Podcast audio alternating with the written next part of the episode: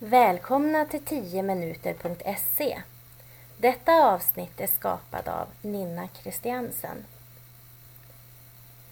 Jag vill berätta om ett skolminne som sträcker sig från förr och ända in i framtiden.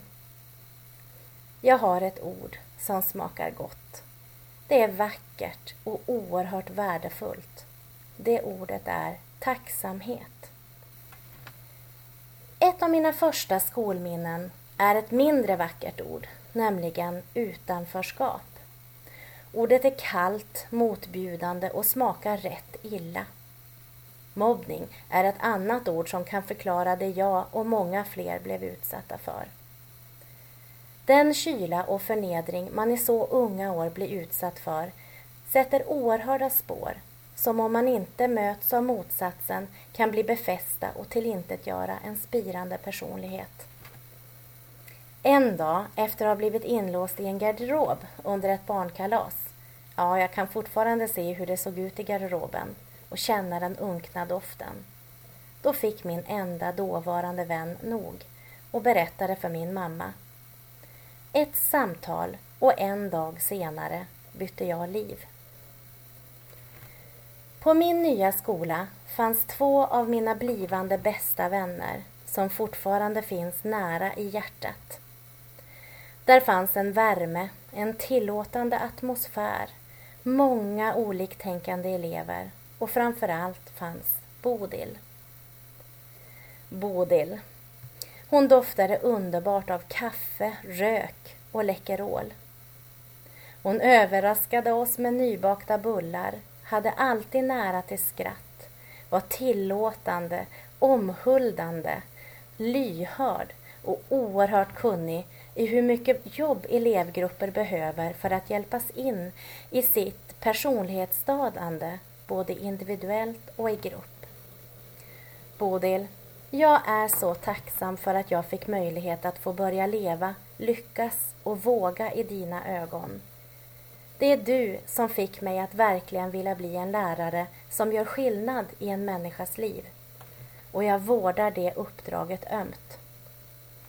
Tacksamhet, ja, det känner jag så starkt över den natt då jag och min man födde en fantastisk gosse.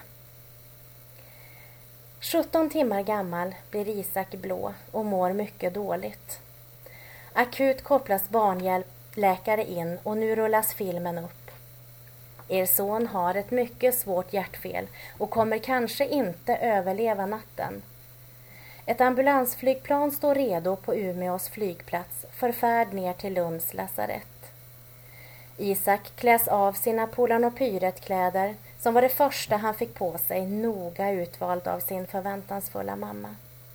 Han får på sig fula landstingskläder och blir stucken på ett flertal ställen då medicin och dropp ska in i den lilla kroppen på drygt 3000 gram. Väl nere i Lund får vi bestämma om vår guldklimp, som nu kämpar något alldeles otroligt, ska få somna in efter ett nöddop eller om vi ska låta honom genomgå extremt svåra operationer i flera steg och under tid och ändå ej få garantier för att överleva och få ett liv fullt av livskvalitet. Vad skulle ni svara på det? Gör vad ni kan, svarade vi och nu följde ett och ett halvt år av vaknätter, extrem oro, rädsla, frustration och ett liv utan kontroll.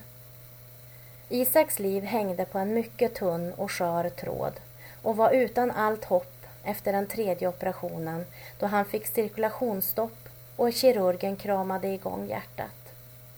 21 dagar fullt nedsövd och med 55 olika mediciner som strömmade sig igenom den lilla 18 månaders kroppen och vi kunde bara stå och se bredvid och inget göra annat än att klappa viska in kärlek i örat och smeka den lilla plätt av hud som inte var ockuperad av nålar och dränageslangar. Tiden gick och mitt upp i allt elände växte Isak sig starkare och började ta de steg som friska barn tar, om än betydligt senare och med massor av träning. Idag är Isak 13 år och ska börja årskurs 6. Det har varit ett långt och hårt kämpande av honom och för honom för att försöka få alla pedagoger som möter honom i skolan att förstå hans svårigheter och hitta rätt anpassningar. Hans handikapp syns ju inte utanpå. Om man inte söker upp det långa ärret på bröstkorgen förstås. Och detta är något han delar med många, många barn. Vår kunskap måste öka. Ja, några av de sviter som hjärtfelet har för Isak är att han har en kraftigt nedsatt ork både fysiskt och mentalt, vilket visar sig i många vardagliga situationer. Att förstå, minnas, orka med samtal, ha sämre aptit, förståelse av skrivna och oskrivna regler. När orken är som minst uppvisar han många tecken som kan sammanliknas med flertalet neuropsykiatriska funktionsnedsättningar och därför är kunskap om detta så viktig. Vi får aldrig glömma att i varje barngrupp finns det fler barn med liknande svårigheter än de som redan är diagnostiserade. Barn som aldrig kommer upp till nivån för att sättas en diagnos på, men som ligger i gränslandet. Tänk bara hur du själv fungerar socialt, mentalt, kognitivt etc. när du är mitt inne i din stressigaste period eller har problem i ditt privata liv. De exekutiva funktionerna styr sådant som planering och organisation men också impulskontroll och koncentration. En nedsättning leder till svårigheter att anpassa sig till nya situationer. Min roll som lärare är att hitta lösningar på hur man hjälper dessa elever att hålla reda på sina saker, beräkna tid och planera i olika steg koncentrera sig, styra sitt känsloliv och anpassa verksamheten för dem och inte tvärt emot, att barnen ska anpassa sig efter min verksamhet. Detta ägnar jag mycket tid på att ta reda på mer av, söka kunskap om och ta med i min undervisning med mina elever och har även under ett antal år haft föreläsningar om förhållningssätt och ledarskap i klassrummet och fokuserat på saker som vi lärare måste bli bättre på. Jag brukar låta eleverna blunda och tänka sig det allra vackraste skåp som de bara kan. De ska pynta det med allt vackert de kan komma på och det ska finnas massor av lådor med små skåpsdörrar. Det ska även finnas lönngångar så att det blir ett riktigt fantasifullt och magiskt skåp. När de ser skåpet framför sig säger jag att de nu har skapat en bild av sin hjärna. Alla möjligheter att lära finns där redan. Men de många olika rummen kan ha dörrar som är mer eller mindre stängda. Min uppgift som pedagog blir att hjälpa barnen att hitta den rätta nyckeln så att de kommer åt allt det fantastiska som finns att hämta där inne i de magiska rummen, hjärnans mystik. Nu om några dagar kommer Isak att få börja på en nystartad skola som etableras i Umeå. Vårt hopp är att han där ska få känna att han får lära sig på det sätt som passar honom, med alla sinnen i ett meningsfullt sammanhang och få ha en plats där han får vara den han är, för den fightern han har visat sig vara och få börja leva ett liv fullt av livskvalitet. Ja, jag är tacksam jag har så oerhört mycket att vara tacksam för och det är min ledstjärna i livet.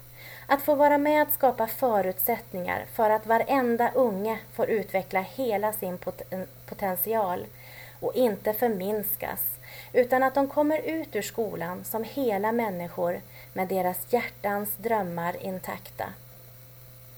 Glöm aldrig att bakom varje barn med svårigheter finns det föräldrar som skulle ha gjort precis allt det vi gjorde för sitt barn att överleva.